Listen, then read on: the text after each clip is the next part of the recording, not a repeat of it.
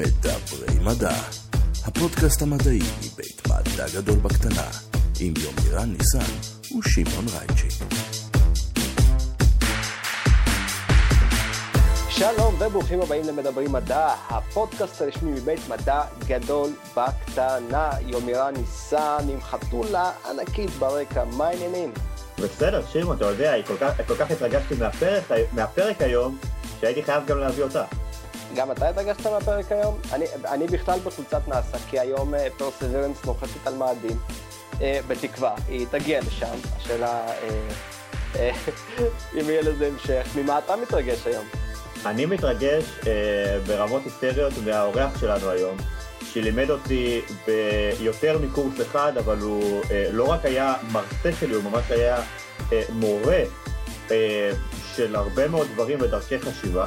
אה, זה פרופסור מוחמד אקשה, אחד מהמרצים הכי אהובים ומוכרים אה, בטכניון, הוא מגיע אלינו מהפקולטה לפיזיקה של הטכניון ובמכללת כנרת.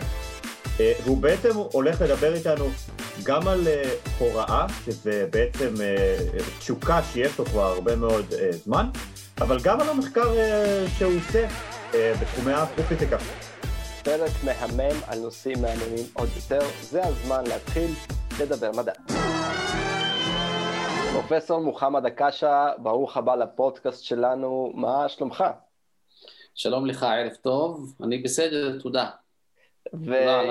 ויום איראן? אה, אתה יודע, אה, יום סגריר, בדיוק אה, חזרתי מהטכניון, ימים עמוסים. בסדר, מתקדמים.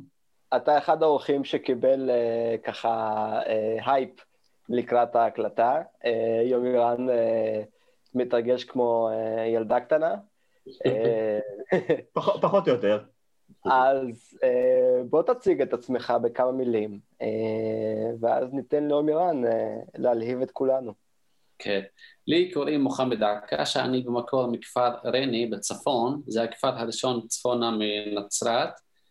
כרגע אני גר בנצרת עילית או נוף הגליל עכשיו. אני למדתי בבית ספר יסודי ותיכון של ריינה, ואחרי זה עבדתי שנה שלמה כדי לחסוך כסף ללמוד, ואז הלכתי לטכניון. למדתי פיזיקה, תואר ראשון, שני ושלישי, תוך כדי גם נסעתי לארה"ב, עבדתי קצת והבאתי איתי תוכנית חשובה, תוכנית נומדת שפותרת אה, בעיות חשובות באסטרופיזיקה, בעצם בעיות זרימה בעיקר. ואחרי זה אה, עשיתי פוסט דוקטור במכון ויצמן בחורים שחורים סופר-מסיביים, אה, חזרתי לטכניון לעבוד כחוקר ומרצה, אה, המשכתי להתקדם, לפרסם, אחרי זה הצטרפתי גם למכללת כנרת בתור אה, חבר סגל, כפרופסור חבר, זו דרגה, דרגה שקיבלתי מה, מהמל"ג על בסיס בעצם ההתקדמות שלי בטכניון. אה, היום אני עובד בשני המקומות, אה, עוסק בעיקר בחקר הערפיליות פלנטריות וכוכבים זוגיים, אג'קטה של סופרנובה, זה חומר שנפלט מהליבה של המרכז של הסופרנובה. אז יומירן, אנחנו, אה, אתה למדת אצל פרופסור מוחמד, בוא, בוא תתחיל משם. אז תראה, כשאני, אני, אני, אני אומר בכנות, כשאני הגעתי לטכניון, הפחד הכי גדול שלי היו הקורסים בפיזיקה. פיזיקה זה, כשלמדתי בתיכון, היה מבחינתי סבל בר רטואר, זה היה אה, סוג של מתמטיקה יישומית שלא הבנתי מה רוצים ממני, ולמה החוט פועל כנגד המשקולת שבצד השנייה, וכדור הארץ מושך אותו בצד השני, ולך תחשב ביניהם את כל המומנטים. ולא הבנתי מה, מה נגד מי. ובאמת הגעתי עם חשש מאוד uh, uh, משמעותי, ומוחמד uh, היה המרצה שלי והגעתי, וכבר בסוף השיעור הראשון אמרתי לעצמי, כשאני אהיה גדול אני רוצה להיות מוחמד הקשה. כי, כי הרמה הלימודית שלו וההתלהבות שהוא, מאיך שהוא מלמד, הדביקה אותי כבר בשיעור הראשון. עכשיו, באמת, כשפרסמנו את הפודקאסט הזה, כל השאלות שקיבלנו היו שאלות על איך אה, ראוי ללמד מדע בכללי ומקצוע אה, כל כך קשה כמו פיזיקה, או בתפיסה לפחות של אנשים כל כך קשה כמו פיזיקה, אה, לאנשים שלא בהכרח, אה, אתה יודע, מגיעים לתחום פיזיקלי או הלכו ללמוד פיזיקה, כן? אה, ובאמת אני רוצה להתחיל איתך, אה, אה, מוחמד, בהקשר הזה, בשאלת קורונה, אתה מלמד כבר הרבה מאוד שנים, וזו השנה, ה, נקרא לזה, הראשונה פלוס, ש, שמלמדים באמצעות למידה מרחוק. נכון. איך באמת זה משפיע עליך ועל הסטודנטים? איך אתה רואה את זה מהצד שלך? האמת שאנחנו נאלצנו לעבוד ככה, אף אחד לא רצה לעבוד ככה, למרות שאנחנו גילינו שזה יכול להציל אותנו בהרבה מקרים שלא ידענו איך לעשות בעבר. למשל, כשהיינו נוסעים לכנסים, היינו תמיד מבטלים הרצאות או מבקשים ממישהו שישלים. עכשיו אנחנו מבינים שיש את הזום שיכול לפתור את הבעיה הזו, אני יכול להשלים את ההרצאה כשאני בארצות הברית. עכשיו, ללמד מרחוק, ברור שזה פחות טוב מלמידה פרונטלית. תמיד הלמידה הפרונטלית היא אינטראקציה ישירה בין המורה לתלמיד או המרצה לסטודנט, וזה הדבר הכי נכון לעשות. אה, במיוחד במדעים, כשרוצים למשל לעשות ניסוי, אז כשעושים את זה בזום, נכון שאפשר לשלוח למשל סרטון לסטודנט, בוא תראה את ההדגמה הזו שעושים למשל בחוק שימור התן עזביתי, אז הוא יראה וייהנה מזה. אתה חושב שזה יישאר איתנו, אבל חלקים ממה שאנחנו עושים עכשיו, שאנחנו נאמץ את הזום ככלי שירחיב?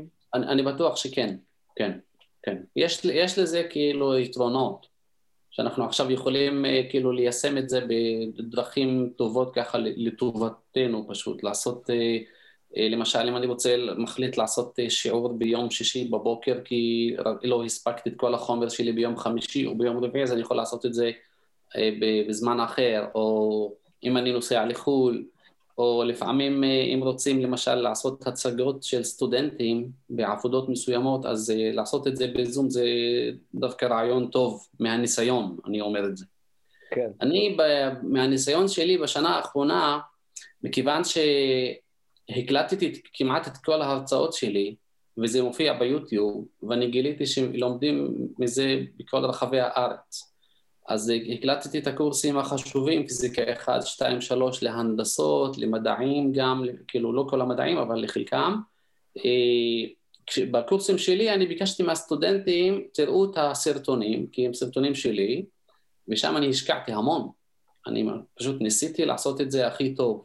נתתי את הזמן, הסובלנות, את האנרגיה, לאט לאט להסב... לעשות הסברים מלאים, דוגמאות טובות, לגוון, הדגמות, הכל. ואחרי זה כשאנחנו נפגשים בזום, אז זה מין אה, שעת קבלה שאנחנו עושים, אה, זה נקרא כיתה הפוכה בקיצור.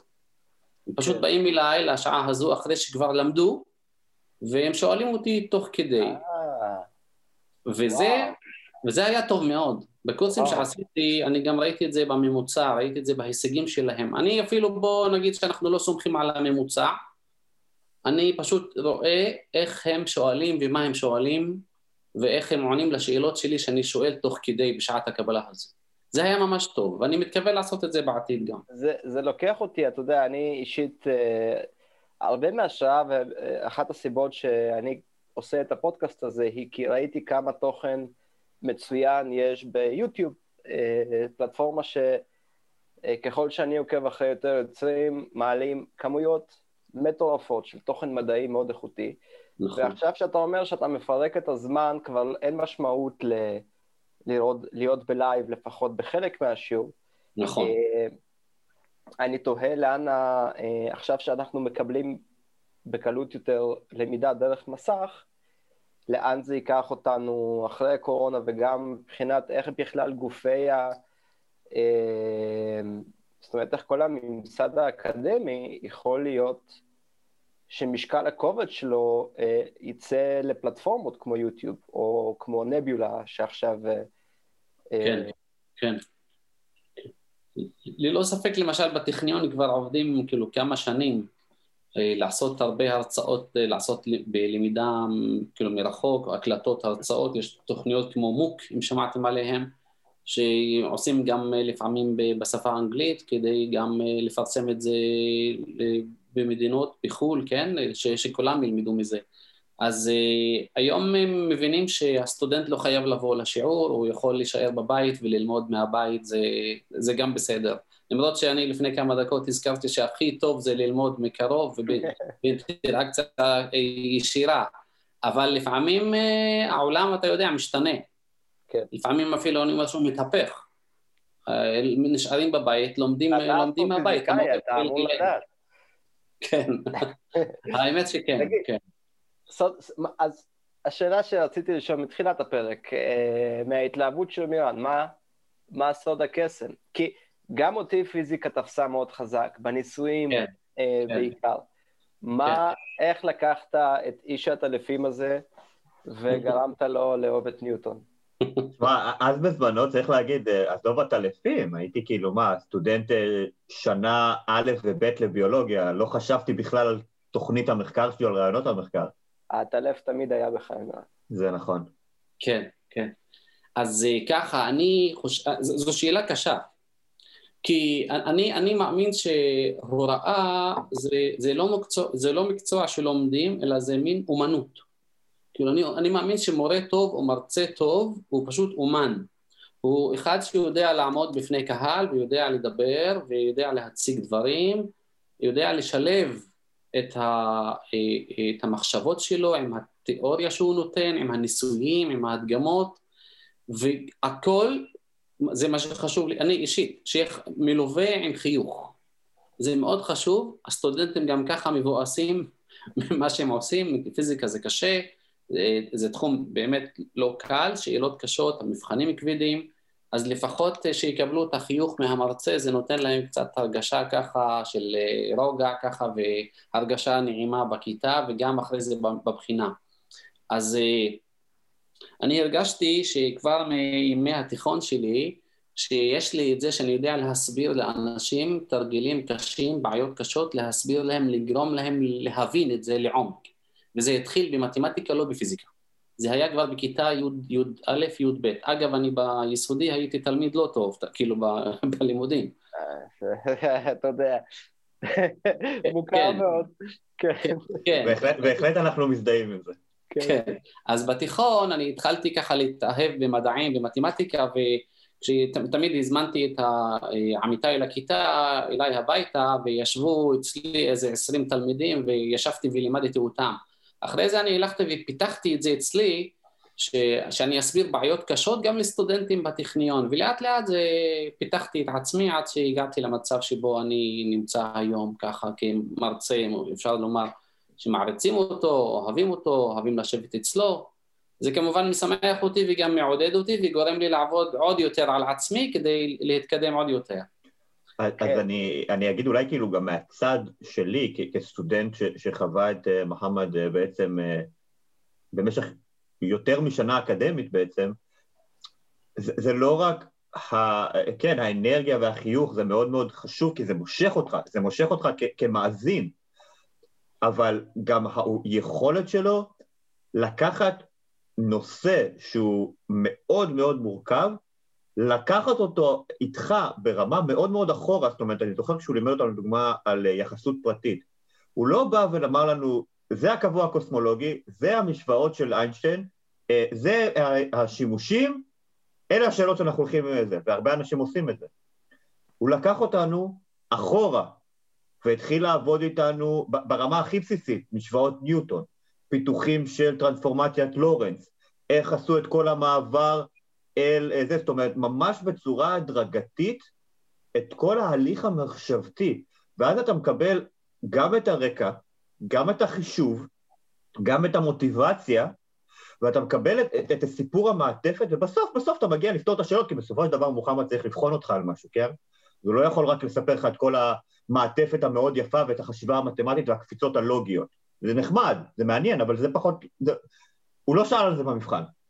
אבל העובדה שהוא לימד והקדיש לזה את הזמן, זה מכניס אותך פנימה, וזה דוגמה אחת, כן? עשינו את זה בהרבה, בהרבה מאוד אה, נושאים לאורך השנים, וזה באמת מאפשר לך לחזור וללמוד ולהבין, ובאמת להישאב גם בעצמך, בתור מישהו שלא בא ללמוד את המקצוע הזה, כן? אני באתי לעבור פיזיקה כי הייתי צריך את זה בשביל התואר, לא הייתי צריך את זה בשביל ה... כן. הקריירה האקדמית שלי בתור פיזיקאי מדופלם, לא באתי ללמוד פיזיקה. וזה באמת מה שאותי, לפחות מהצד, מאוד מאוד הכניס. וזה, ואגב, זה כבר מהשיעור הראשון של חוקי ניוטון, משוואות ניוטון הכי בסיסיות, שהוא מתחיל איתך ממש ממש ממש מהיסודות הכי בסיסיים. ומתקדם איתך יד ביד. אתה גרמת לי לחשוב על, על איזה משהו ש...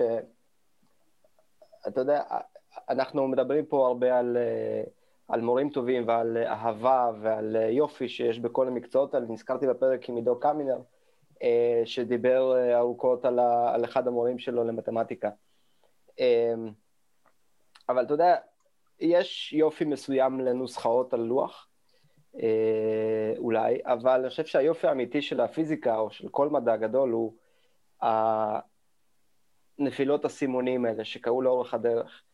אה, איך, איך איינשטיין בא ואמר, אין מה לעשות, היקום אה, מתכווץ.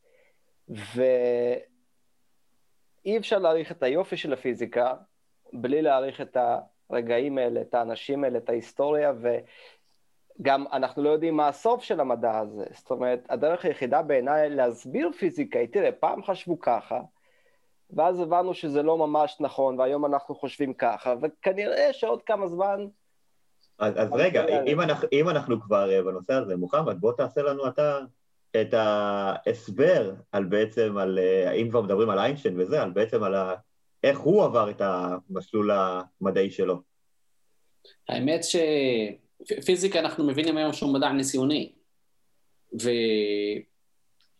ומה שהתחלתם לספר כאן, זה כמובן מזכיר לי שאני כשאני מתחיל לעשות איזשהו נושא, נניח שאני רוצה לדבר על תן עזביתי, אז אני מתחיל מהדגמה שנראית ככה, שאני מביא כיסא מסתובב בלי חיכוך, סטודנט, אתה בטח זוכר את הניסוי הזה, אחד הסטודנטים יושב על הכיסא עם שתי משקולות, ואז אני. אני מסובב את הסטודנט ומבקש ממנו תוך כדי להושיט את הידיים או לקרב את הידיים, ואז הסטודנטים שמים לב איך המהירות הסיבובית אה, משתנית בזמן, כאילו עם השינויים שאנחנו עושים. ו- ומשם אני מתחיל לבנות את ההגדרה. אז אני אומר שזה מדע ניסיוני, ואחרי זה אנחנו מנסים למצוא את המודל המתמטי, התיאורטי שמתאים לו. אה, קשר לאיינשטיין, הוא, הוא עשה הרבה דברים כמובן חשובים. ביחסות פרטית וכללית, זה פרק שהוא מאוד תיאורטי, הכל תיאורטי, לפחות בזמנו וגם בעשרות שנים שהיו אחר כך, היה מאוד תיאורטי. ואז הוא שמח בעיקר על המתמטיקה ועל הדמיון. כן. הוא פשוט, אה, הדמיון שלו היה משהו יוצא מן הכלל. הוא בכלל בן אדם שהוא יוצא מן הכלל, שהצליח לחשוב על הדברים בצורה הזו. לדוגמה, ב-1916 הוא, בוא, תקשיב לקטע הזה, 1916 הוא חשב על גלי הכבידה, או גלי גרביטציה יותר נכון. מאה שנים אחרי זה, 2016, 2015, 2017, לפני חמש שנים, שש שנים בעצם, כאילו כעבור מאה שנה, גלי הגרביטציה האלה הם נתגלו על ידי הטלסקופים או על ידי הלייגו, מה שאנחנו מבינים היום. היה לנו פרק שלם על זה. כן. נכון, אז ברור כאן שיש אה, איזה מין פיגור של הרבה עשורים בין איינשטיין לאנשים רגילים, עם כל הכבוד לכל האנשים, כן? אבל זה באמת מה שהיה. איך הוא חשב על הדברים האלה אם לא היה ניסוי אחד שאפשר לעשות במעבדה ולהסיק משם שיש מה שנקרא גלי גרביטציה וגם לא היו טלסקופים מתאימים.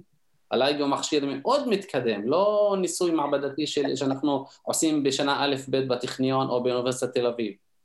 אז מכאן שאנחנו פשוט מבינים שהייתה לו איזו השראה שהוא קיבל מהדמיון שלו ועם המתמטיקה שהוא ידע טוב מאוד, הוא כתב תיאוריה שהיא סגורה, נכונה מאוד בפני עצמה, והוא חיכה עד שיבוא הזמן שזה, כאילו, שיעשו ניסוי, או תצפית בחלל, כן, ויראו מה... על הכוכב ש... ששינה את מקומו בעקבות אה, אה, השמש, נכון? מדדו את זה בזמן ליקוי, אם אני לא טועה. נכון, זה, וגם אחרי זה המיזוג של שני כוכבי נויטרונים. כן. אגב, גם מתמטיקה, היה, היה לו חוסרים במתמטיקה לתורת היחסות הכללית. נכון. אנשים... בהתחלה, כן, נכון. כן, כלומר, גם על כל הגדולה שלו, אה, אולי דווקא בצד היפה, שמדע זה גם תחום מאוד מאוד מאוד שיתופי, ו... והרבה מאוד אנשים אה, עובדים לקראת אה, דברים באמת גדולים. אם אני נכון. זוכר נכון, פלנק עזר לו עם המתמטיקה, לא? כן, בחלק הראשון כן. כי פלנק עשה עבודה יפה מאוד, למרות שהוא פחות... כאילו הוא לא, הוא לא מקבל את הקרדיט הראוי לדעתי, הוא, הוא זה שהביא לנו את הנוסחה של האנרגיה של פוטון. ועל סמך זה, אחרי זה היה אפקט הפוטו-אלקטרי, שאיינשטיין קיבל על זה פרס נובל. אז כשמדברים על זה, פלנק כמעט לא מזכירים אותו. אני למשל מלמד את הקורס פיזיקה 3, אז אני מזכיר את זה תמיד. שהוא כן. עשה עבודה מאוד חשובה. גם ביחסות הפרטית הרגילה, כשמדברים על קינמטיקה, אז היו שני האמריקאים חכמים, מייקלסון ומורלי, שעשו ניסוי ב-1887, שמשם גילו שאין מה שנקרא אתר, והבינו שמהירות האור היא גודל שהוא מוחלט, הוא קבוע. כן. אז בלי זה איינשטיין לא היה בונה את היחסות הפרטית שלו. אז גם אותם צריך לצטט טוב ולתת את הקרדיט הראוי. כן. פלנק קיבל קבוע על שמו, שזה כבוד מאוד גדול. נכון, לגמרי. אז... גם קבוע חשוב, אתה יודע, מסוג הקבועים ש... כמעט ולא היה קורס אה, כימי או פיזיקלי אה, ש- שעשיתי שלא השתמשו הרבה מאוד בקבוע פלנק, זאת אומרת... לא, הוא, הוא נחשב לאחד מהפרמטרים שמגדירים את הסט הפרמטרים שמגדירים את היקום שלנו. כן. כמו קבוע קולון, מסת אלקטרון, מטען אלקטרון, קבוע פלנק יושב שם אה, כמשהו מרכזי. אם אני זוכר נכון, היום אפילו משתמשים בקבוע פלנק כדי להגדיר אה, גודל, נכון? כי עברו להגדיר, להגדיר מדברים אה, נכון. מאלמנטים פיזיים לאלמנטים קוונטיים, בדיוק, נכון. ואחד הקבועים שבהם נכון. משתמשים כדי להגדיר זה קבוע פלנק, אני צודק? נכון מאוד, כן, כן. למשל, הטנע הזוגתי של אלקטרון בתוך אטום הוא כפולה שלמה של אה, אה, קבוע פלנק. אם אנחנו כבר בפיזיקה וחלקיקים, יש גם מחקר לדבר עליו, אסטרופיזיקה, אני עם חולצה של נאסא, אה, אני מוכן, כולי אוזן. תן לנו אה, סקירה של המחקר שלך. אז ככה, אני, אה, הניסוי שלי או המעבדה שלי זה בעצם סימולציה נומרית, שבעצם תוכנית מחשב שנכתבה בשפת פורטרן ו-C, C+, לא, לא משנה מה, C++, C שארט, כל מיני תוכנות מתקדמות שמשתמשים בהן היום לכתיבת אה, סימולציות נומריות לעזור למדע. אז אה, הקוד אה, או התוכנית נקראת פלאש, היא פשוט מסוגלת לפתור את כל המשוואות של ההידרודינמיקה. ההידרודינמיקה זה בעצם הנושא העיקרי שאני פשוט עושה במחקר שלי, כי אני חוקר על פעילויות פלנטריות וסופרנובות והתנגשויות בין רוחות של גז, בעיקר סילוני גז, סילון גז, שזה הרעיון בעיקר שכאן בארץ אנחנו הלכנו בעקבות פרופסור נועם סוכר, שהוא המנחה שלי בדוקטורט והמשכתי גם לעבוד איתו גם הרבה אחר כך. אה, סילונים מופיעים בהרבה הקשרים ביקום, בהרבה אובייקטים, בכוכבים, בגלקסיות, בחורים שחורים, בכוכבי נויטרונים, וגם אה, יש מה שנקרא Young Stellar Objects, שגם שם רואים הרבה סילונים, אני מתכוון פה תצפיתית, בתצפיות רואים הרבה סילונים. סילון מתכוונים לרוח מכוונת. כאילו כמו טונוס כזה. לפני כן. שאנחנו מתקדמים ממש לסילונים, אמרת ש, שתחום המחקר, שאתה עוסק באסטרופיזיקה והידרודינמיקה. הידרודינמיקה, ממה שאני מכיר, שמתעסקים פה בדברים של מים, זרמים של מים, נכון, אתה מדבר נכון. אבל, אתה מדבר על, על מים בחלל בעצם? על תהליכים ש, שמים עוברים בחלל? אז שאלה יפה. ההידרודינמיקה הוא תחום, אה, השם יותר, היותר נכון שלו זה מכניקת הזורמים. fluid mechanics או fluid dynamics. Mm-hmm. הזורם זה נוזל או גז. נוזל או גז. מה שאנחנו עושים כאילו במחקר שלנו זה בזרימות שאנחנו רואים בחלל זה זרימת גז. אז זה תנועת אה, גז עם, אה, עם מהירות, עם צפיפות, עם לחץ. אנחנו מדברים על תופעות בסדרי גודל של גלקסיות או... אה, אז יופי, אז יש חלק, זה, פשוט מתאים לכל הסקאלה. חלק יכול להתאים לנניח הגודל של כדור הארץ, יכול להתאים גם למרחק מכאן עד לשמש, יכול גם להתאים לשנת אור או על, אלפי שנות אור, וגם יכול להתאים לגודל סליחה, של גלקסיה, שזה מאה אלף שנות אור ואפילו יותר. גם אפילו כשעושים... איזו אה, רזולוציה הסימולציות שלכם מריצות את ההדמיות אה, האלה?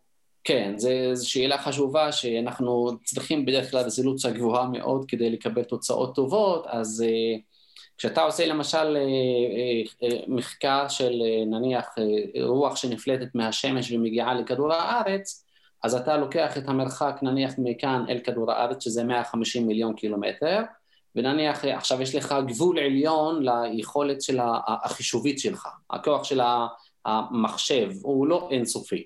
כן. אז המקסימום שאתה יכול לעשות עם המודל נניח חד-ממדי, אז מותר לך עשרת אלפים תאים או עשרת אלפים כאילו קווים שאתה עושה אה, אני מתכוון לשנתות, כן. מכאן עד.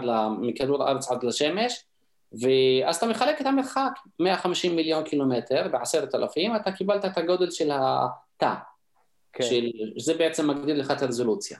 אם אתה לוקח את אותה סימולציה, אבל אתה עושה אותה לבעיה של גלקסיה שלמה, אז המרחק עכשיו הוא במקום שיהיה 1 אה, AU, שזה אסטרונומיקל יוניט, שזה 150 מיליון קילומטר, עכשיו הוא 1 מגה פרסק. מגה זה מיליון, אנחנו מדברים על, על, גדלים שבהם כל מערכת השמש שלנו היא חלקיק בתוך נוזל אה, של מיליארד של...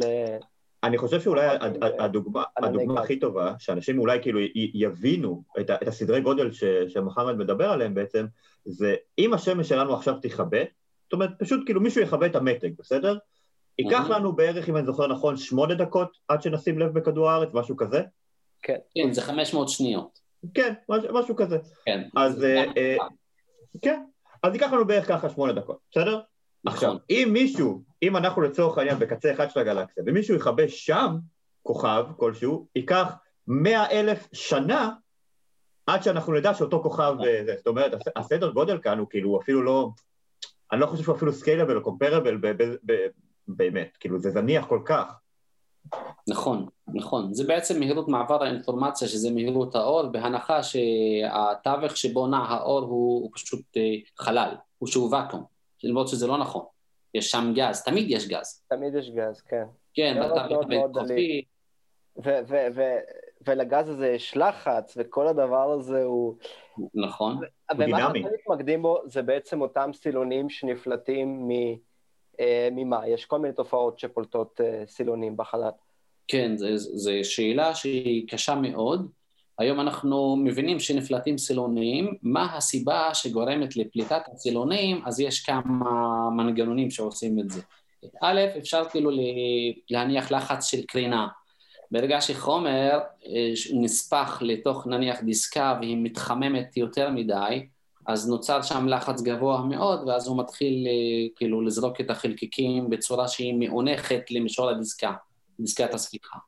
יכול להיות גם אם יש, מכיוון שהחומר הזה בדרך כלל הוא טעון, אז אה, זרם חשמלי, זרם חשמלי יוצר שדה מגנטי, שדה מגנטי גם יכול לעשות את העבודה הזו, יכול לקחת את החומר. זה גם מה שמחזיק את הסילונים האלה כסילונים אה, מאוד ארוכים, נכון? נכון, כן. המערבולות אה, שהם יוצרים עם עצמם. כן, כן, כן. ומה שיותר מעניין זה כשהסילונים האלה יוצאים, הם לא יוצאים לחלל, הם, הם פשוט מתנגשים בחומר שיש בסביבה. וההתנגשות הזו היא מאוד מעניינת, כי אם לסילונים יש מהירות נניח שהיא מעל מהירות הקול באותו אזור, מהירות הקול היא תלויה בטמפרטורה. אז נוצר שם מה שנקרא גל הלם. וגל ההלם הזה יכול לעשות תופעות יפות מאוד, הוא מחמם שכבה של גז, הוא משנה את הצפיפות במעבר לפניו ואחריו.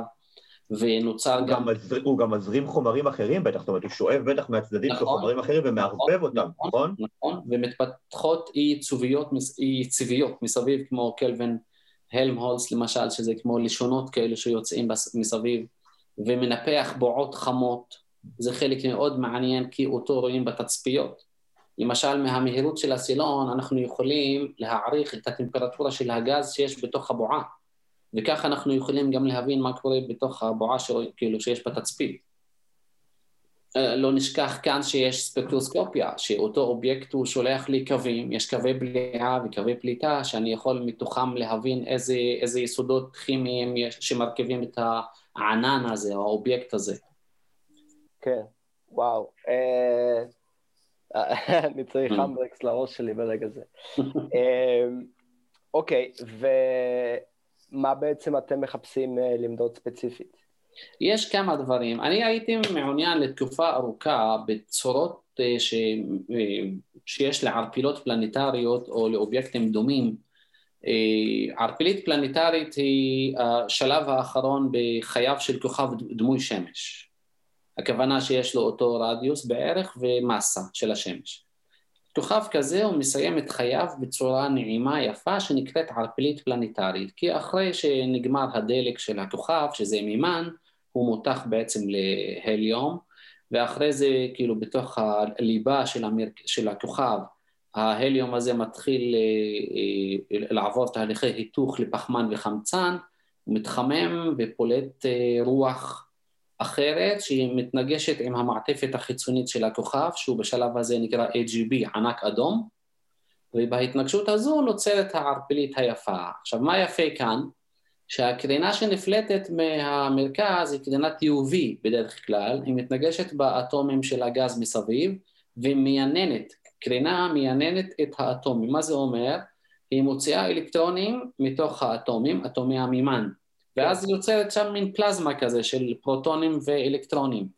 אחרי זה האלקטרונים מתחברים מחדש עם אה, הגרעינים שלהם, או גרעינים אחרים, לא משנה, כן. ובתהליך השחבור הזה נפלטים פוטונים.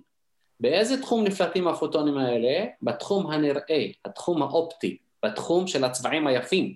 ולכן אנחנו רואים צורה מאוד יפה בחלל, לפעמים כמו פרח, לפעמים כמו פרפר, לפעמים כמו נמלה, יש הרבה צורות שמאוד עניינו אותי, ואני חקרתי שנים את הדבר הזה יחד עם פרופסור נועם סוכר, כדי להבין למה ואיך מתקבלות הצורות האלו, שלפעמים הן אה, אליפטיות, לפעמים אה, אה, דו-קוטביות, לפעמים לא מסודרות, יש כל מיני סימטריות לערפיליות. אז כשמצלמים לי, לא יודע, את ערפילית עמודי הבריאה, או מה שזה לא יהיה, מה שאני רואה זה גז מימן שמתחבר חזרה עם האלקטרון האבוד שלו, והפוטונים שנפלטים יוצרים את ה... נכון, נכון, נכון. ויש גם גזים אחרים שלפעמים שגם פולטים קרינה, ואז אתה רואה את זה בצבע אחר. למשל, יש ערפילית שנקראת Cat's Eye, שהרוב שם זה מימן, ויש שם גם צבע ירוק יפה כזה, שזה חמצן מיונן פעמיים, ומבינים את זה מהספקטרוסקופיה. Mm. אז, אז זה הרוב מימן, אבל יש גם גזים אחרים, חנקן, חמצן לפעמים. כשבאתי לחשוב על שם של, של ערפילית, באתי להגיד ערפילית ראש סוס, ואז אה. הבנתי שזה מתוך המדריך לטרמפיסט לגלקסיה. כן, כן, כן, כן, נכון. אני בעצם רוצה לשאול על, על כיוון אחר. האם, האם מתוך ה, ה, בעצם הספקטרוסקופיה והפיזור הזה במרחב, ש, בחלל, מה שאנחנו בעצם מצלמים בתמונות המרהיבות של סוכנויות חלל כאלה ואחרות, האם ניתן להסיק על זה אה, דברים, שני דברים מרכזיים. דבר ראשון, על הכוכב שהיה, שאנחנו עכשיו רואים אותו בצורה של ערפילית, ומה ניתן? והדבר השני, האם אפשר אה, במידה מסוימת לדבר על אולי על הכבידה של אותו המערכת שהייתה קודם, לפני שהוא הפך בעצם לערפילית הזאת, שאני מניח שהכבידה שלה היא הרבה יותר זניחה ביחס לכוכב המוצק.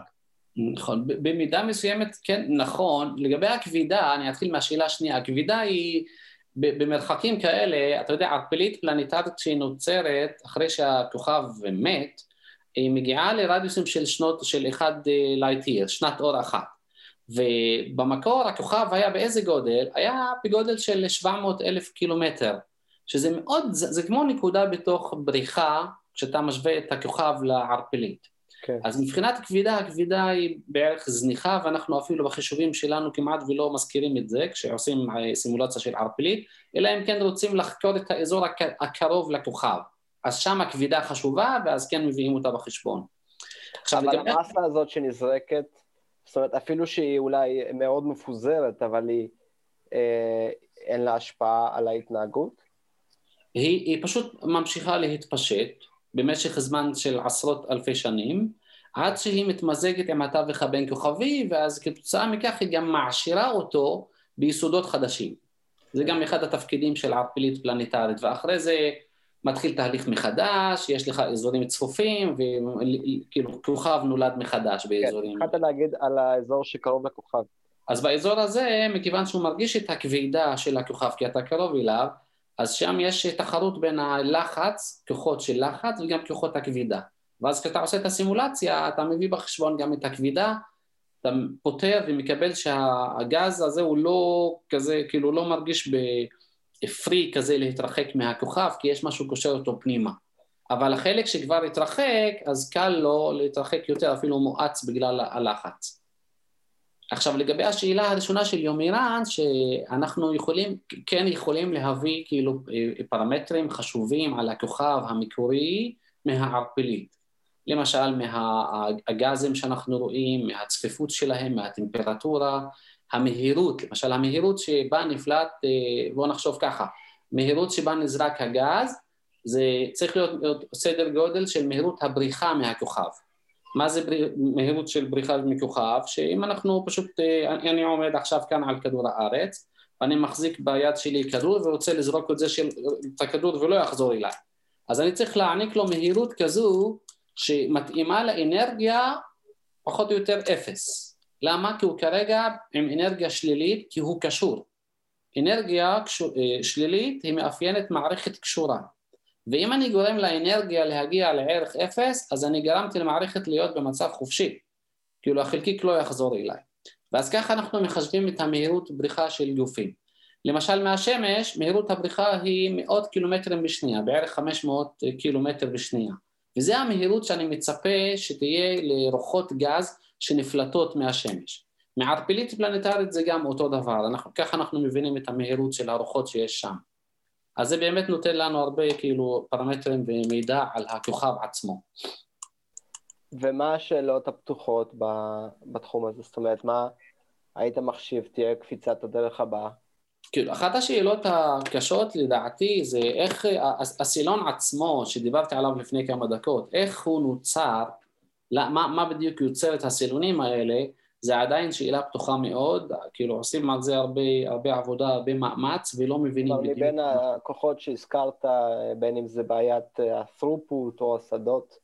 נכון, כן, כן. זה גם תהליך שקורה בטמפרטורות מאוד גבוהות. נכון, נכון, נכון. אז זו שאלה שהיא עדיין פתוחה, זה לא נסגר כאילו לגמרי, העניין הזה של הסילונים. יש אפילו, אני יכול להגיד לך משהו כזה, שיש בתחום הזה הרבה קבוצות מובילות בעולם, אוקיי? באירופה, בארצות הברית, חלקן לא מאמינות בקיומם של סילונים. הם חושבים שזה משהו אחר. חושבים שזה למשל יכול להיות אה, שדות אה, מגנטיים למשל, שעושים את, ה, אה, את ה, פשוט הצורה הזו, או הגז הזה שהוא פלט במהירות הזו, בטמפרטורה הזו. רגע, שנייה. לא, לא תמיד מאמינים בסילונים. מה בעצם, אני, מבחינתי, כשאתה אומר סילון, זה לא משנה מה יצר אותו. כלומר, זה לא משנה אם זה, אם זה שדה מגנטי שיוצר את התנועה הזו, או אם זה קרינה שיוצרת את זה, או whatever. מבחינתי, סילון זה, זה התנועה המהירה הזו, נכון. uh, במרחב ש, שאנחנו רואים, אז מה כן, בעצם, כן. ה, על מה בעצם הוויכוח? לא, לא, הרי לא תמיד רואים, איפה שרואים את הסילון, אז יופי, רואים אותו, מסכימים שזה סילון. אבל הרבה פעמים אתה רואה צורה סופית, גוף סופי, שהוא כבר נוצר, לפני אולי מיליוני או מיליארדי שנים, ואתה רוצה לבנות מודל שיסביר אותו. אנחנו למשל, אה, הרבה כאילו מסתמכים יותר מדי על הנחה כזו של סילונים, סילון הוא נזרק מהמרכז, מתנגש עם הסביבה בצורה מסוימת שאנחנו בונים, ומקבלים את הצורה הזו. וכאן הוויכוח, שקבוצות אחרות פשוט לא כאילו מניחות את הסילון, מניחות משהו אחר. כלומר, הסילון עצמו הוא ברוב, הוא ברוב המקרים לא נראה, כי הוא פשוט נפלט בכיוון מאוד מסוים. בהרבה מקרים... אנחנו רואים רק את האינטראקציות. לגמרי, כן. כן. כן. אבל אם הוא מופנה אלינו, אז אנחנו כן יכולים לראות, uh, במקרים נדירים, אני מניח, יש סילונים שפונים ישירות לכדור. נכון, נכון, נכון, במיוחד אם הוא גם פולט תוך כדי קרינה מיוחדת, שאנחנו יכולים לזהות אותו, כן.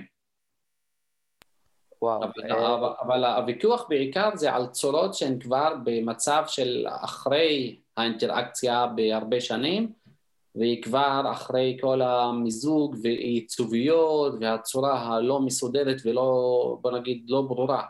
אז צריך אה, לחשוב מה, מה יצר את זה. אתה אמרת מקודם שאתם משתמשים בפיזיקה ניוטונית ל... אה, פיזיקה קלאסית.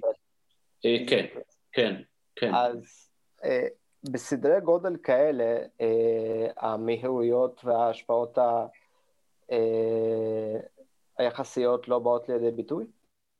אז ככה, מה שקורה שכדי לקחת בחשבון תיקונים יחסותיים או משוואות יחסותיות, המהירות של הזרימה, כאילו מהירות החלקיקים, היא צריכה להיות uh, קרובה למהירות האור. אנחנו מתכוונים כאן למהירות של, uh, אם זה שליש מהירות האור, 100 אלף קילומטר לשנייה, אז זה בעצם מחייב אותנו לבוא ולעשות חישוב יחסותי. למשל, לפני כמה חודשים פרסמנו עבודה שבה הרצנו סילון שהמהירות שלו 50 אלף קילומטר לשנייה. האמת שזה יחסותי, אבל לעשות את זה, לעשות את החישוב יחסותי, ההבדל בתוצאות בסוף הוא לא כזה גדול. אנחנו אה, מבינים היום בפיזיקה, לפי תורת היחסות הפרטית, שיש פקטור שנקרא פקטור לורנס, קוראים לו גמא. גמא הזה הוא תלוי בדבר אחד, רק במהירות של הגוף. שכאן אצלי זה החלקיק שנע בתוך הסילון או בתוך הרוח. אז אם המהירות של החלקיק הזה היא שליש מהירות האור או פחות מזה, אז זה נותן לי גם משהו לא מספיק כאילו גדול, לא, לא בהרבה כאילו גדול מאחד. אז זה לא משמעותי. אז אנחנו מעדיפים לעשות כאן פיזיקה קלאסית, ניוטונית, זה יותר קל ויותר מובן ונותן לנו תוצאות טובות. אבל אם אנחנו עושים למשל סילונים שנפלטים מכוכבי נויטרונים, איפה שהמהירות של הסילון היא מגיעה לחצי מהירות האור, אז אנחנו, אנחנו חייבים וואו. לעשות את זה. כן. ויש לי בניסוי... ש... בגלל זה? כן, כן. בניסויים שאנחנו עושים, אז uh, בסימולציה שלי, אני יכול uh, לבחור כאילו מוד כזה של חישוב שנקרא uh, Relativistic Numerical Simulation, שאני יכול כאילו להריץ uh, סילונים במהירות כזו. שאתה לוחץ על הצ'קבוקס הזה והמחשב מקבל כאב ראש מיד. כן. יש לי, יש לי את זה לפעמים כשאני, כשאני מנסה לעשות אנליזה בייזיאנית, אם אתה, ככל שאתה עולה ברמות, ברמות דרגות החופש, המחשב שלך כאילו בוכה יותר. אם אתה נותן לו שתי רמות חופש, הוא בא על הכיפק שלו, כאילו שלוש, ארבע שעות הוא מסיים. כן, כן. מתחיל לעלות. כן. ואיזה מחשבים אה, בעצם מבצעים את החישוב? אה, אה, מעבדות יהודיות, אני מניח. האמת ש... זו, זו בעצם בעיה. כאן, כאן לפחות בארץ אין לנו אה, משאבים ממש כאילו מתאימים ל- לעשות סימולציות אה, כאלו. יש כמה מחשבים בטכניון, באוניברסיטת חיפה, באוניברסיטה העברית, בתל אביב, במכון ויצמן, אבל מחשבים לא כמו שלמשל יש בגרמניה, בארצות הברית, איפה שיש מיליוני מעבדים למחשב. אז כאן למשל בסימולציות שלי אני משתמש ב, לפעמים ב-600 או 800 מעבדים, שזה ממש הרבה, יחסית למה שיש כאן. ואז במקביל אליי... את זה וכן, אבל... במקביל אליי חוקר אחר בגרמניה, אולי מריץ את אותה עבודה, כאילו משהו באותו סדר גודל, מבחינת הבעיה המחקרית, אבל הוא משתמש שם בעשרת אלפים מעבדים. ואני בא לטכניון אה, ושמח מאוד כי רצתי, השתמשתי ב-600 מעבדים ואני גאה בזה ואז פתאום אני שומע ומספרים לי הנה אחד הריץ עשרת אלפים מעבדים ואז אז אתה מבין שאתה באמת לא... זה, זה טוב אבל אה, אפשר יותר טוב מזה. פרופסור זה לא המעבדים זה מה רץ אליהם. זה, זה נכון, אני מסכים. אז אני, אני רק אגיד שהיה לנו, אה, אחד האורחים שלנו התעסק, הוא באמת מתעסק בקיפולים של חלבונים, שזה באמת מהדברים היותר כבדים מבחינת דרגות חופש שאפשר להכניס, אה, והוא מגיע ממקס פלנק בגרמניה, ושם הם בנו בעצם חוות מחשבים שלמה, שרק נועדה להריץ את זה, עם כוח חישובי שאין בארץ, נראה לי, בכל האוניברסיטאות כן, ביחד. כן, אני מתאר לעצמי. וזה כן. רק, אתה מבין, אבל זה רק במוסד אחד, בדבר. אחד שהם החליטו להשקיע בו הרים של כסף. נכון. זה, זה לדעתי מסוג הדברים שבאמת אולי רק לכוחות הביטחון בארץ יש גישה אליהם בקטע החישובי של הצפנות ודברים כאלה, כן. כי, כי, כי באמת אה, באקדמיה צריך אה, מאות מיליוני דולרים בשביל להקים מרכזים חישוביים. ברמה הזו, ש, שעדיין אין לנו את היכולות האלה. ממש לא, אה, ממש לא. אני רוצה באמת אה, לשאול אותך לגבי אה, כוכבי אה, ניוטרונים. אתה, אתה מתעסק, בכוכ... אתה עוד סיפרת לי אז בטכניון שזה סוג של baby שלך, אז אם תוכל לתת לנו כמה מילים ומה כל כך מעניין אותך בהם. אז ככה לאחרונה אנחנו למשל הרצנו סילונים שנפלטים מכוכבי ניוטרונים ומתנגשים ב ejecta, בחומר שנפלט בסופרנובה. אז כוכב נויטרונים הוא, הוא, הוא עצם כזה שהוא קטן יחסית, זה, הגודל שלו יכול להגיע ל-10 קילומטר, הצפיפות שלו היא גבוהה ברמה שמאוד קשה לתאר, כך שכפית, איך שאומרים, כפית תה, סוכר, קפה, כן? של חומר כזה יכולה להגיע למיליון טון אולי, אולי יותר. זה עדיין כוכב, זה כוכב שפשוט נדחס בתהליך נכון. נכון, כל ה... זה לא הפך לחור שחור מסיבה כזאת או אחרת. בגלל המסה שהיא לא גבוהה מאוד. כן. אם המסה הייתה גבוהה מאוד, אז הוא כן? היה קורס לחור שחור, כן. הוא, הוא, הוא פשוט מגיע למצב הזה בגלל מה שנקרא בפיזיקה עיקרון האיסות של פאולי, שגורם לנויטרונים פשוט להצטופף אחד אה, ליד השני ולא לקרוס יותר. אז אה, במקור כמובן זה היה מימן הכל. כן. אבל כל, ו- ואחרי זה התחיל להיתוח גרעיני, להליום, חמצן, אה, פחמן, בסוף ברזל, ואז כל האלקטרונים והפרוטונים התחברו ביחד, יצרו את הנויטרונים, ומשם מגיע הכוכב נויטרונים. אה, אז- ובגלל שהם כולם נוטרונים אז הם לא יכולים להיות באותו מקום בעצם. נכון, נכון. כן. אז אה, מכיוון ש... מוזר, יום אחד אני אבין את זה, כן. הת- התחלנו היום לדבר גם על חוק שמות קנע זוויתי והניסוי של הילד שישב על הכיסא עם שתי המשקולות. ואז בדיוק השאלה של יומירן על הכוכב הנויטרונים היא מתאימה מאוד לזה. כי במקור הגוף הזה הוא היה בגודל של השמש נניח, או אולי יותר מזה, מבחינת גודל, 700 אלף קילומטר. בסוף זה הגיע לעשרה קילומטרים, אז הוא ירד בהרבה. אז אם אנחנו הקטנו כל כך את הגודל של המערכת, ואנחנו יודעים שהתנע הזוויתי נשמר מכיוון שאין מומנט חיצוני, הכל כוחות פנימיים ומומנטים פנימיים. אין הרי גוף חיצוני שיתערב בבעיה הזו. נכון. ולכן הוא מתחיל להסתובב מהר יותר, כי הממדים שלו קטנו. אז מהירות הסיבוב שמגיעה, כשמגיע אליה הכוכב נויטרונים היא מאוד גבוהה, כך שנוצרים שם כל מיני אה, אה, גלי רדיו, יש שדות מגנטיים חזקים מסביב, זה פשוט גוף עם הרבה בעיות. יש את כל הפיזיקה שם בפנים, עם תורת היחסות, יש הידרודינמיקה מסביב, יש טרמודינמיקה, יש לו אפילו משוואת מצב מיוחדת, רק, רק לו ולחומר שלו. כן. זה בקצרה על הם. הסופרסטארים של האובייקטים המפחידים בחלל. כן, אה, שמע, היה איזה כוכב שהבהב בשמיים, ולא הבנו הרי מה זה, נכון? היה את הסיפור הזה עם איזשהו פולסר כלשהו, שהוא בעצם כוכב ניוטרונים, כן. כן, ו- ולא הבנו מה זה. כאילו, עד, ש- עד שהבנו שזה בעצם כוכב ניוטרונים, שאם אני זוכר נכון, ה- ה- הסיבוב שלו כל כך חזק שהוא גורם לו לזכור בצורה קיצונית, אולי אה, אה, מוחמד אם יוכל אני לא טועה זה היה יותר. פולסר שפשוט הקוטב שלו, כל מחזור פנה לכיוון כדור הארץ. זה היה זה. נכון, נכון. גם הש- השתמשנו בפולסרים כדי לסמן את המיקום שלנו בדיסק שנשלח על Voyager. מהמם. כן. אז כי, כדי... כי זה הדבר הכי חכם שאפשר לעשות כשאתה שולח לחייזרים. סטיבן הוקינג היה נגד. לא, כי, כי תחשוב על זה, כי, כי איך מתחיל כל סרט כאילו מדע בדיוני של פלישה של חייזרים? לא נתנו להם. הוראות להגיע לכאן. זה דוקואים, הסרטי מדע האלו, זה, זה דוקו. כן, פרופסור, אנחנו התחלנו בהוראה והמשכנו במחקר, הייתי רוצה אולי לסיים אה, בעוד מילה אחת. אה, בהוראה אה, זה נושא מאוד יפה וגם לי היה חלום כזה אולי להיות מורה, אולי חלק מזה הגיע לידי ביטוי בפודקאסט. יצא לי. גם קצת ללמד במכללות, יפה. אה, גם בקורונה. אה. פשוט גיליתי שמי שלא אהב לעשות שיעורי בית, ישנא לבדוק שיעורי בית, אבל אני מאוד מתחבר לצד האומנותי, אני סטנדאפיסט ובאתי באתי עם זה לה- להוראה, ואני חושב שהיה שם, היה יפה. שם אה, משהו. מדהים. מה אתה הכי אוהב ללמד? אה, בין אם זה נושא או בין אם זה נקודות מסוימות שאתה רואה את הבאות הכי מספקות על ה... אני, כן, זו שאלה יפה שאני גם אוהב אה, שישאלו אותי עליה ולענות. אני אוהב לעשות את ה... ללמד על המעבר בין פיזיקה קלאסית לפיזיקה קוונטית. ואת זה אני עושה בקורס פיזיקה שלוש.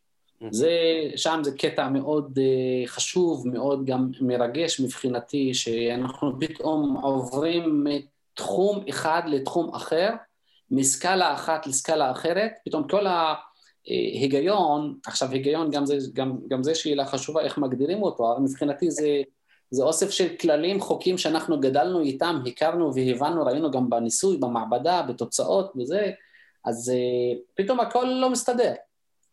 כאילו, פתאום מגלים שלמשל, הנקודה שאני אוהב לספר עליה, שחלקיק שהוא, אנחנו מבינים מ classical electrodynamics, מבינים שאם חלקיק טעון והוא מאיץ, אז הוא קורן, הוא פולט קרינה. עכשיו, אם זה נכון, אז האלקטרון בתוך אטום מימן, הרי הוא חלקיק טעון, והוא גם עושה כל מיני תנועות מסביב לגרעין, אני מפחד פה לומר את המילה מסתובב, כי הוא לא באמת מסתובב. אז הוא עושה תנועה שם, בטח יש תאוצה כי המהירות משתנית בזמן, אז הוא פשוט, הוא לא קורן, למרות שהוא מאיץ, הוא לא קורן, אז מה קרה? כאילו, אחד אה, פשוט חזק ואמיץ שבא ואמר את המשפט ש... זה הנחה חדשה שעושים במדע, חלקיק עושה את המסלול שלו, אמנם הוא אה, טעון ומואץ, אבל הוא לא כהן. מי שאמר את זה זה נילס בוהר ב-1913-14, ונילס בוהר לדעתי הוא אחד שהוא פשוט גאון, כי הוא דיבר אה, אה, על תופעה או על בעיה מאוד חשובה בשפה מאוד פשוטה, וכאן מתגלית הגאונות, כי הוא נתן מודל, בטח יומירן זוכר אותו, שהוא פשוט על שתי משוואות שתלמיד אה, אה, בכיתה י"א יודע לפתור אותן, ומשם מקבל תוצאות שמקבלים במעבדה מספקטרום הפליטה של אטום מימן. אז המעבר הזה בין השתי הפיזיקות פתאום מגלים שחלקיק יש לו אורך גל, הוא מתנהג כמו גל, והגל כמו פוטון הוא מתנהג כמו חלקיק, עקרון דואליות זה נקרא. אז המעברים האלה הם מאוד חשובים לי ומרגשים אותי ואני אוהב אה, ללמד אותם. אני רק אגיד שלמוחמד אה, יש אה, שקופית שהוא אוהב להציג בערך בנושא הזה, כשלמדתי אצלו בדיוק את הנושא הזה, אז יש לו בפינה השמאלית את, ה, את המכניקה הקוונטית, שעוסקת בעצם בתהליכים מאוד מאוד מאוד מאוד מאוד קטנים, הולכים אחד ימינה בריבוע, יש לך את המכן, כשעולים טיפה בגדלים, יש לך את הפיזיקה הקלאסית בעצם, את, ה, את העולם היומיומי שלנו, נקרא, אני קורא לזה במרכאות העולם ההגיוני, אם תרצה, מה שאנחנו מסוגלים לתפוס בחושים שלנו, נכון. כשמגיעים למהירויות וכבידות מאוד מאוד גדולות, עוברים לפיזיקה יחסותית, ואז כן. יש לו שקף עם סימן שאלה שאומר, אם יש משהו מעבר לעולם היחסותי, זה ייכנס לרובריקה הזו. נכון. והוא נורא אוהב להראות את, ה, את הדוגמה הזו של, של כאילו, של המעברים בין הפאזות האלה, וגם יש לו גרף שמראה את זה בצורה הרבה יותר מדעית מהנפנופי ידיים שאני עושה את זה כרגע, באיזה שלב אתה עוד בפודקאסט. בין דבר לדבר. כן, אתה מבין, ואני עוד בפודקאסט. אה, אז, אז זה באמת, זה, שוב, אני נתתי קודם את הדוגמה שהוא נתן עם אה, טרנספורמציית לורנס, אז אני באמת חושב שהרגעים האלה שעוברים בין ענפי פיזיקה שונים, זה באמת אחד הרגעים המרגשים לי נכון. כסטודנט, נכון מאוד. שוב, קורסי הפיזיקה שאני למדתי אצל אה, מחמד הם, הם קורסים בסיסיים. כלומר, הם, הם קורסים שנותנים איזשהו מבוא פיזיקלי והבנה פיזיקלית נורא נורא בסיסית. זה לא הקורסים המתקדמים יותר, שאתה יודע, שצוללים, לא יודע מה, קורס שלם על, על שרדינגר, בסדר? ובור. כן. אמ, אז, אז המעברים האלה הם, הם א', מרגשים, אבל הם גם נורא מראים את, ה, את היצירתיות, שאגב דיברנו עליה בפודקאסט עם עידו, את היצירתיות של החשיבה המדעית האנושית. שבבליפ אחד של, של גאונות, בין אם זה של בור, או של איינשטיין, או של פלנק, או של כל אחד מהעילויים האלה, כן?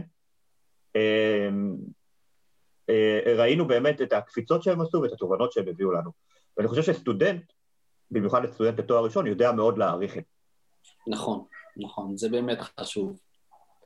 אז אה, אני, אני מהצד שלי רק אגיד לסיכום שהזכרת את, ה, את רוחב היריעה של הדמיון של איינשטיין, אה, ספציפית הבעיה הזאת של השילוב בין אה, מה שהיה מוכר עד תורת הקוונטים והלאה, זו לא בעיה שעשינו בה המון צעדים חשובים וגדולים, אבל אף אחד לא פיצח את זה כמו שאיינשטיין פיצח את היחסות, ואין ספק שהבן אדם שיעשה או תעשה את זה, אה, יבואו כנראה מאחת הפקולטות לפיזיקה. נקווה שבארץ, אה, אין, אין ספק שזה מישהו שיתלהב מהמקצוע, וזה אומר שכנראה שהיה לו גם מורה טוב, אז פרופסור מוחמד הקשה, המון תודה. תודה לך.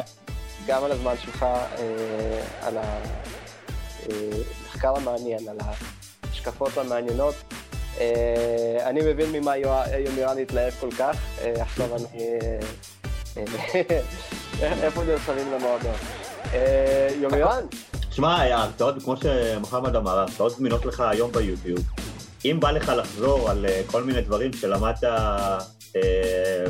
בלימודים האקדמיים שלך, רק מכנראה המרצה הכי טוב שתוכל ללמוד ממנו, אתה יכול?